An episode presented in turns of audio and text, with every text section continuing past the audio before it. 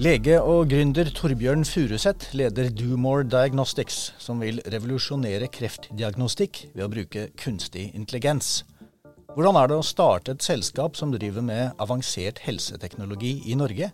Er det kunder, kapital eller kompetanse som er de viktige flaskehalsene? Og hvordan ser Torbjørn for seg at helsetjenestene vil se ut om 20-30 år? Han møter som vanlig i Innopoden Håkon Haugli og meg, Kjetil Svorkmo Bergman. Velkommen til Innopoden, Torbjørn Furuseth. Takk for det. Takk for invitasjonen. Det er hyggelig å ha deg her. Du er lege, men du har også vært konsulent i McKinsey, og du har jobbet med innovasjon og biotek i Aker-systemet. Du har vært økonomidirektør i to biotekselskaper innen kreft. Og sist, men eh, absolutt ikke minst, er du gründer og daglig leder i Domore Diagnostics. Som uh, gründer så regner jeg med at du er vant til å selge inn selskapet, eller å pitche, som det ofte heter. Uh, og jeg skal være raus. Uh, du, du, skal få et helt minutt til å forklare hva Dumor Diagnostics er, som ingen andre er. Da starter jeg klokka. Ja, Dumor Diagnostics skal gjøre persontilpassa kreftbehandling tilgjengelig og enkelt for pasienter rundt om i verden. Og Vi bruker kunstig intelligens for å gjøre en dyp analyse av tumorvevet og Da kan vi bestemme prognosen og om pasienten, hvilken pasient, eh, behandling pasienten vil ha glede av. Eh, vi har et C-merka produkt, en software, eh, innenfor tykk- endetarmskreft, der én million pasienter vil ha glede av testen vår og kunne få den riktige behandlingen for den. Og Vi samarbeider med ledende miljø i Norge, England, Nederland, Japan, USA. Eh, og vi har også partneravtale med to kommersielle aktører, eh, softwareplattformer. Så vi har stø kurs, kurs mot et marked på flere milliarder kroner. Ja, det, ah, ja, det var faktisk bare 46 sekunder. Veldig bra. Vi merker at dette har du gjort før. Ja, det, det hører med det, å være gründer. Ja, Del av gründerlivet. Pitching. Ja, veldig bra, veldig imponerende og veldig spennende det du holder på med. Ja, takk. Syns det sjøl òg. Ja, så bra. Eh, eh, det er, eh, det er, ikke lenge siden vi hadde en gjest her inne på den som hadde fått diagnostisert brudd i en tå ved hjelp av kunstig intelligens. Men det dere holder på med, å stille kreftdiagnoser og gi riktig behandling for kreftpasienter, det må jo være betydelig mer krevende. Fortell litt om, om hvordan dere gjør det. Ja, altså det som er med kunstig intelligens og dype nevrale nettverk, så er mye av metodikken og teknologien tilgjengelig for, for, alle. Så mye av det er likt når man, når man driver med de store språkmodellene, large language models, som OpenAI og sånt, eller om du driver med bildeanalyse, som vi gjør, så er det mye av den samme grunnteknologien som ligger der. Men det er datasettet og hvordan du setter sammen eh, dataene, også oppfølginga over tid, som gjør det mer krevende eh, å utvikle de algoritmene og produktene som vi gjør. For da må du først ha utgangspunktet som du skal stille diagnosen på, eller prognosen. Og så må du ha oppfølgingsdata som er troverdige eller og, og hva skal jeg si, vaska og sikra, kvalitetssikra over fem til ti år etterpå. Som er linka til den samme pasienten. Mm. Mm. Uh, og, og, persontilpasset behandling, det er, jo, det er, jo, noe vi har hørt om lenge. Uh, og det er det dere driver med. Uh, dere er jo åpenbart helt i front innenfor dette området. Dumore Diagnostics er sprunget ut av et internasjonalt forskningsprosjekt ved Oslo universitetssykehus og ved eh, Universitetet i Oxford i England. Uh, er dette begynnelsen på en helt ny måte å behandle folk med kreft på? Ja, det er jeg sikker på. Eh, kunstig intelligens og den bildeanalysen som, som vi kan gjøre da, med det, nye, det, dype nevrale nettverk og andre nettverk som har kommet, det, det muliggjør en helt annen måte å stille diagnostikk på det som brukes i dag som presisjonsmedisin og si, spesialisert diagnostikk, det er jo genanalyser. Og det er viktig og bra, og det ligger jo i bunnen. Eh, men du kan tenke på det, i kroppen vår så har alle cellene det samme genene. Men likevel så blir det veldig forskjellige celler ut av det. Du har muskler, du har hjerne, du har bein, eh, hud osv. Så, videre, sånn. så det, det, er veldig stor variasjon på de samme genene. Og det er epigenetikk som ligger bak. Og det får man ikke sett med genanalyser som finnes i dag. Men det kan vi gjøre når vi ser på hvordan svulsten er, med hele tumorvevet, eh, mønstra som er der. Eh, eh, også eh, sånn eh, mikromiljøet i svulsten, altså immunreaksjon fra kroppen inn på svulsten, er også veldig viktig. Så det er mange faktorer som nå kan analyseres til en veldig stor detaljgrad, som ikke har vært mulig før. Det er fascinerende bruk av teknologien, Håkon. Så superfascinerende. Jeg tenker, Når er det legene blir overflødige? Når er det kunstig intelligens har tatt over? ja, Det blir nok veldig veldig lenge, om noen gang. Eh, men det som er åpenbart, eh, er jo at eh, leger kan bli mer effektive og mer treffsikre mm. ved å ta i bruk kunstig intelligens som et hjelpemiddel. Mm. Er det sånn når, hva, liksom, hva, er verdiforslaget deres til helsetjenestene? Er det mer presis diagnostikk, lavere kost, eller mer? Ja, det er begge deler, egentlig. Altså, for det første så altså, øh, Vi er innenfor digital patologi, da, som er på en måte grunn, utgangspunktet vårt. Ja. Og innenfor patologi så, så, gjøres jo veldig mye manuelt og av patologens to øyne. Nettopp. Og de får til veldig mye og er veldig flinke, spesielt til å stille diagnosen. Men det å kunne si hva som er et sannsynlig utfall for den pasienten For det er veldig stor forskjell. Om du har kreft stadie 2 i bryst, f.eks., så kan det gå veldig forskjellig mellom eh, de fleste, aller fleste går det bra med å bli kurert etter kirurgi. Noen får tilbakefall og, og dør av sykdommen. Mm. Men å plukke ut hvem som er hvem, det ikke, det er veldig vanskelig å gjøre med det blotte øyet. Det er jo sånn noen ganske sånn svimlende perspektiver det, syns jeg. da. Det er jo, som er jo åpenbart legeperson, da, men sånn at, hvis man tenker seg en lege da, eller en eh, patolog som ser kanskje, hva vet jeg hvor mye kan de se? Kanskje 5000 da, eh, bilder i løpet av hel, en hel karriere. Mm. så kan eh, kunstig intelligens se millioner av mm. de samme bildene og evne å trekke det inn i diagnostikk. Det vil si at disse maskinene de overgår jo menneskelig eh, kapasitet da, på, mm. på, mange områder, inkludert det med liksom, antall eller mengde. Men også at de kommuniserer med hverandre. Altså Hvis man ser for seg sånn, to biler da, som kommer kjørende opp eh, mot hverandre, og en bakketopp imellom, så kan mm. de kommunisere med hverandre. Men det menneskelige sanseapparatet er jo ikke i stand til å se over en en haug. Og dette, den tida vi lever i nå, tenker jeg er så interessant da, med akkurat det. Og Hvis jeg skal ta på Innovasjon Norge-hatten et øyeblikk her, da, så er det en utfordring at norsk næringsliv i for liten grad eh, tar opp i seg avansert teknologi. Mm. Det gjelder åpenbart også offentlig sektor. Og verktøyene for, å, for at f.eks. kunstig intelligens tas i bruk da, i næringsliv og, og, offentlig sektor, er for svake. Og Norge ligger faktisk litt etter etter andre land på dette, på tross av at jeg tror vi har en selvoppfatning om at vi er veldig langt kommet. Mm. Og det tror jeg for vi er så avanserte digitale brukere i våre privatliv, så tror vi at hele samfunnet er, er der. Men på sånne ting som robotiseringsindeks, autonomi, kunstig intelligens, så ligger norsk Norge bak sammenlignbare land. Og det må vi jo kunne gjøre noe med. Og da blir jo selskaper som ditt da veldig, veldig viktige. For det er mm. gjennom det møtet mellom uh, gründere og uh, oppstartsselskaper med avansert teknologi og innkjøpere mm. uh, at vi kan få dette til. Det var et langt resonnement, men det er veldig viktig, da. jo, og det er jeg helt enig i. Jeg tror spesielt også nå når uh, Norge skal, har, satt helsenæring som uh, en prioritet som eksportnæring, ja. så må man tilrettelegge for et hjemmemarked.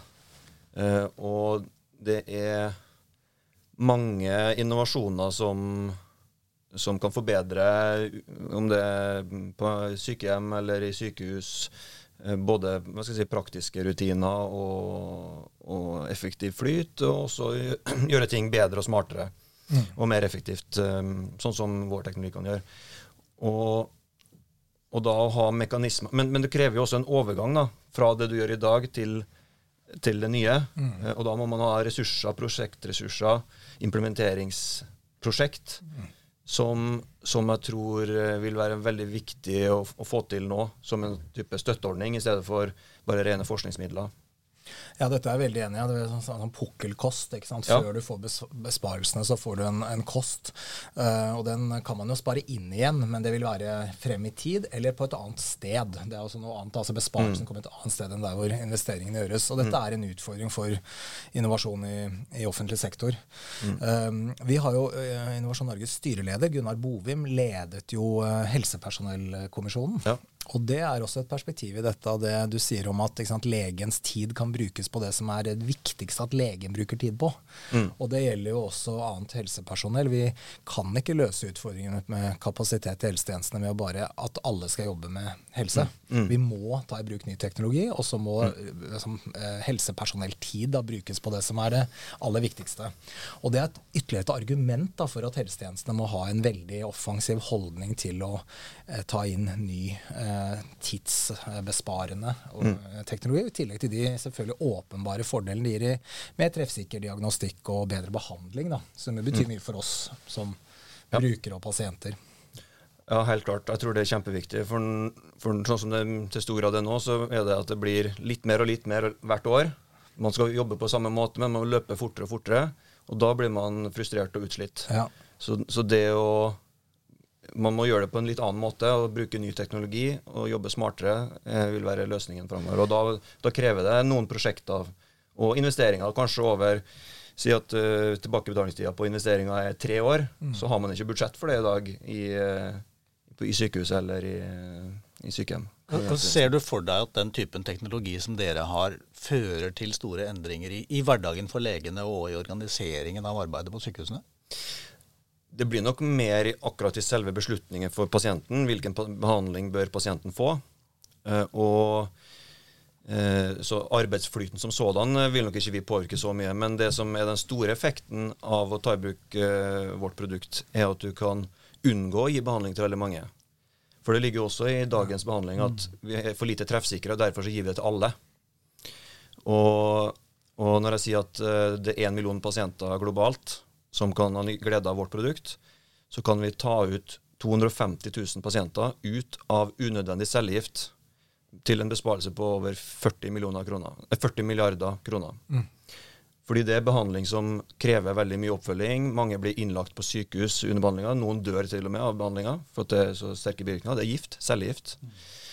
Eh, og mange får også kroniske plager etterpå, som gjør at de ikke kommer tilbake i jobb, som gjør at de eh, får eh, ja, depresjon er mer ut, uttalt, du får eh, ødelagte nerver i fingre og tær, mindre følelighet.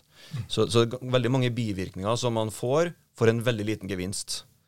Men akkurat i dag, nå, nå så er det litt sånn ja, noen gir og noen gir ikke, og det er veldig sånn på Man har ingen gode verktøy for å kunne eh, veilede det valget. Så det, mm, så det vi vil kunne gjøre, er at man unngår å gjøre unødvendige ting, og spare både penger og, og tid og ressurser.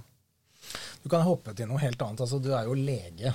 Mm. Har du hatt en sånn drøm om å bli gründer hele veien, eller når kom den eh, tanken?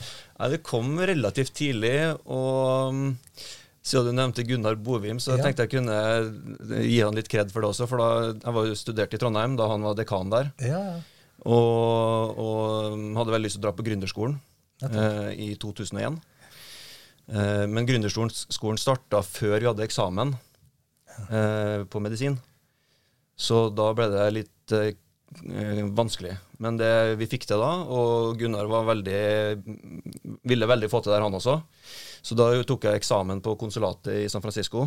eh, og måtte da følges opp av konsulen, så at jeg ikke ringte hjem til de andre. Det samme, for jeg måtte, var ni timer, jeg tok jo prøven dagen før, da. Ja, ja, eksklusiv eksamensvakt. Ja.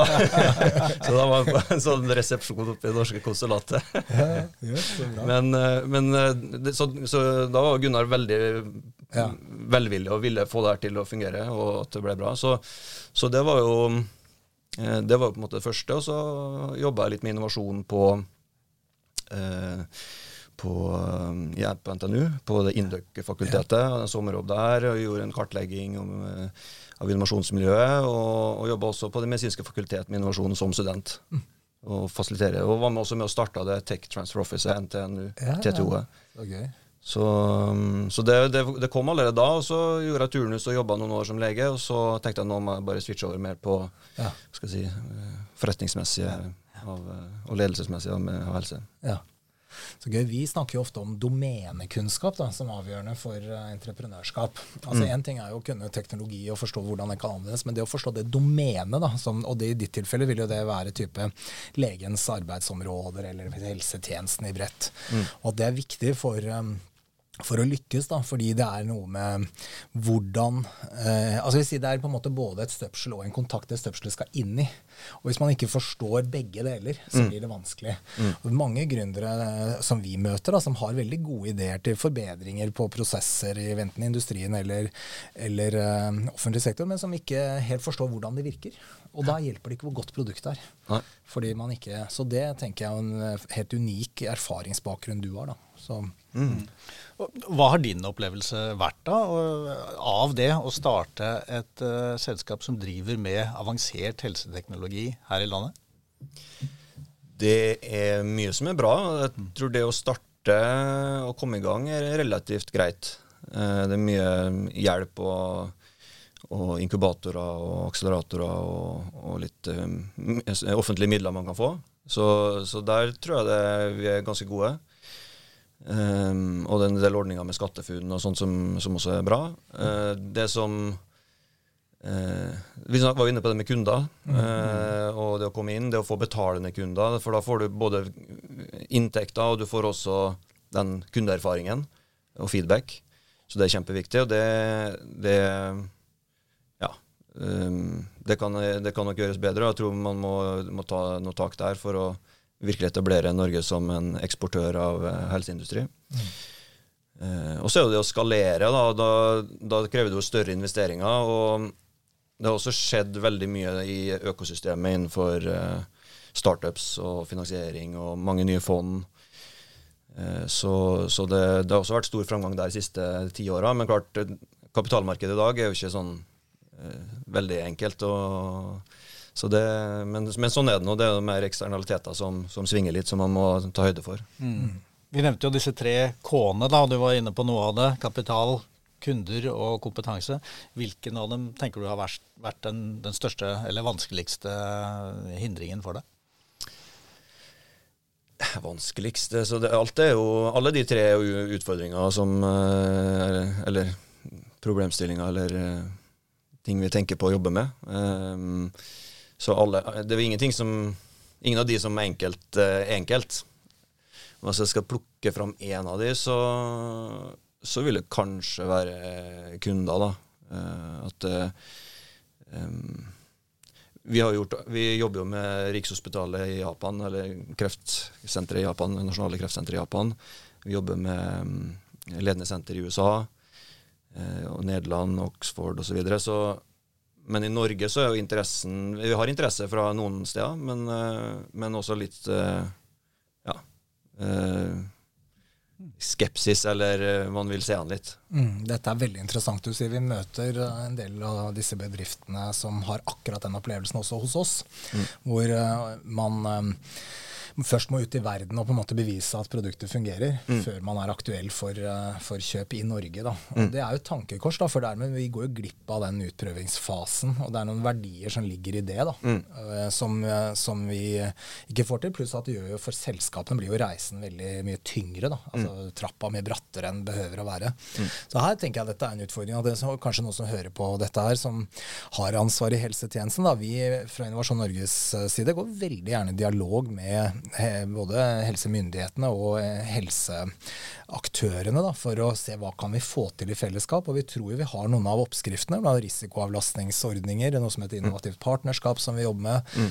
som åpenbart kan bli, brukes mer effektivt og utvides. Eh, men i tillegg lage gode koblingsarenaer er noe annet. da, Synliggjøre det som finnes. og både sykehusledere og ikke minst så man forstår at disse utfordringene i helsetjenesten kan løses på en annen måte enn de løses i dag. og, mm. og vise ved eksempler da, hva er det som går an å få til.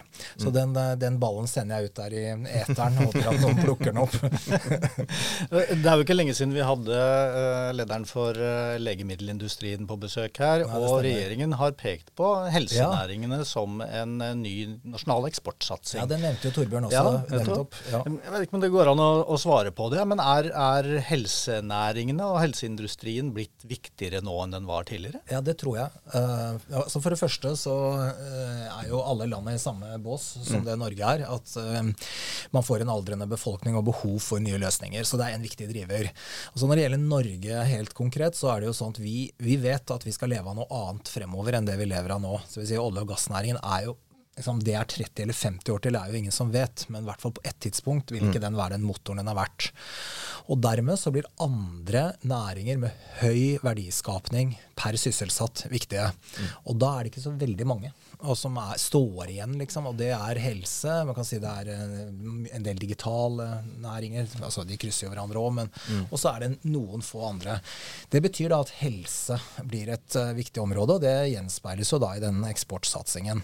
Og så I tillegg til det så vil jeg si at Norge har noen helt fantastiske forutsetninger også på helseområdet. Mm verdensledende kreftforskning, en veldig digitalt kyndig eh, befolkning som gjør at f.eks. sånn avstandsoppfølging hjemme, det å bruke mobilen mm. som diagnostisk verktøy, det er vi veldig åpne for da i Norge. Det vil si vi er et godt land for å prøve ut og skalere opp løsninger. Men det koker jo liksom tilbake til disse tre K-ene. Skal vi lykkes med den eksportsatsingen, så må vi jo utvikle noe i Norge som er salgbart internasjonalt. Og da blir hjemmemarkedet viktig, altså kundene. Og så blir det viktig med investorer da, som er tålmodige nok og er med på reisene. Og så er kompetansetilgangen en utfordring. Norsk økonomi går så det suser. Det trekkes folk selvfølgelig inn i lønnsomme næringer, gode jobber i lønnsomme næringer. Mm. Og det vil si at kanskje de si, programmererne, salg, selgerne, eh, ja, både alle, alle, yrkesgrupper man trenger i et oppstartsselskap, de er både dyrere og vanskeligere tilgjengelige enn en, eh, kanskje vi skal si ønskelig. da. Mm. Eh, når det gjelder denne ene K-en, eh, kundene, så er det jo sånn at Dumor Diagnostics eh, nettopp har inngått to store avtaler i USA. Mm. Fortell litt om hva det betyr for dere. Ja, Vi inngikk jo først en avtale med Ohio State University Medical Center, som er ledende innenfor digital patologi i, i USA, og tar i bruk kunstig intelligens for det. Så, så, nå er de i gang med å, å teste ut det på, på tidligere pasienter med da mål om å ta det inn i klinikken. Så, Tenk er ikke noe vi skulle hatt sånn der, sånn, du vet, sånn 17. mai som, som sånn Festlig lyd. Gratulerer. Veldig gøy. Ja, det, det er veldig morsomt. Så, eh, så, det var veldig, veldig kult at de eh, ser potensialet og, og, er i gang med det. Eh, og så har vi inngått avtale med Prosia, som er en softwareplattform for digital patologi. Så da får vi også distribusjon ut. Eh, og det er også en av de ledende og, og si, drivende eh, softwareplattformene innenfor digital patologi. Så gøy. du, Hvordan finner disse aktørene dere? Hvordan navigerer Det er jo mest vi som finner dem. Ja, de, ja, ja. det er veldig mye på, aktivt ute på, på, konferanser. og Det kan være hvis de har hatt et webinar, og så mm, sender jeg en LinkedIn at det var et kult webinar, og syns det var et viktig poeng der. og og vi har en teknologi på det, og skulle tatt en prat. Ja, Dette er veldig bra. Dette er jo litt av en annen kjepphest vi har her i huset, er jo dette med kommersiell kompetanse. Så veldig mye hjelper jo ikke å ha et godt produkt hvis ingen vet om det. Mm. Så det å gjøre akkurat det du beskriver, da, følge opp, minne om, ta mm. kontakt proaktivt, mm. det er viktig. Og så er det jo absolutt så Skal man få avtaler, eh, lisensavtaler osv. Det, det skjer jo ikke bare sånn helt plutselig. Nei. Det jo, går over tid, snakke sammen. Eh, får en relasjon, eh, begynner å teste ut litt, tenker litt, så plutselig kanskje blir det innspill til strategien til selskapet, og så ja, det må vi se mer, det må vi kjøpe, eller ja.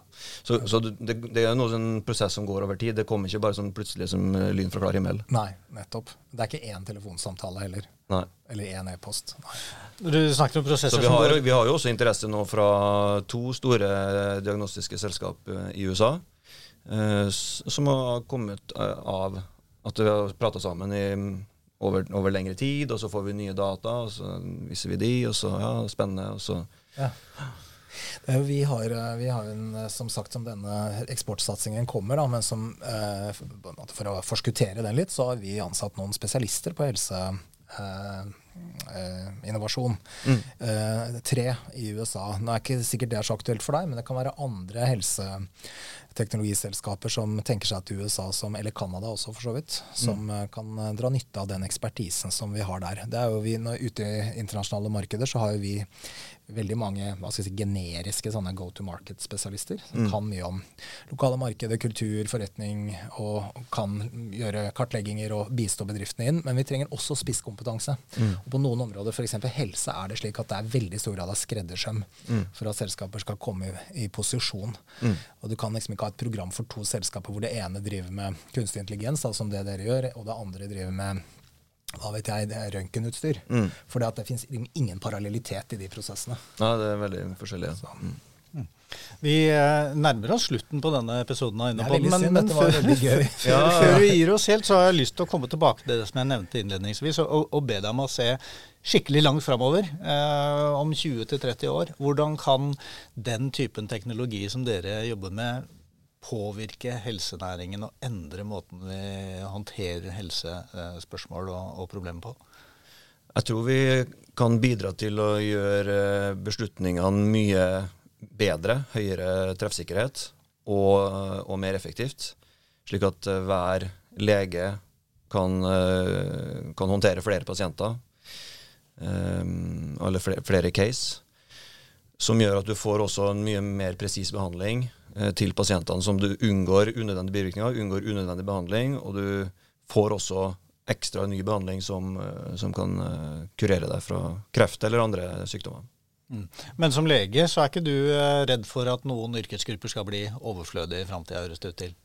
Nei, det kan jeg ikke se for meg at det blir overflødig. og det, det, er jo større volum her også som skal tas unna. Så, så det at hver, hver, lege blir mer effektiv, eh, tror jeg bare er helt nødvendig.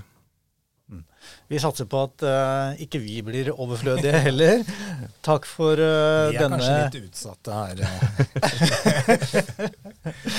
altså det For å bare si litt noe seriøst om det, da, så klart Innovasjon Norge vi, Det helt ideelle hadde vært om vi var overflødige. Mm. Fordi at Hvis det ikke hadde vært behov for den type tjenester, da hadde markedene vært perfekte og fungert. Men vi er her så lenge, så lenge det ikke er sånn. Uh, så lenge det er behov for oss. Og veldig, veldig gøy, Torbjørn, at du kom og høre om det du gjør. og eh, Hold kontakt. og Vi gleder oss til å følge deg og applaudere det viktige arbeidet dere gjør.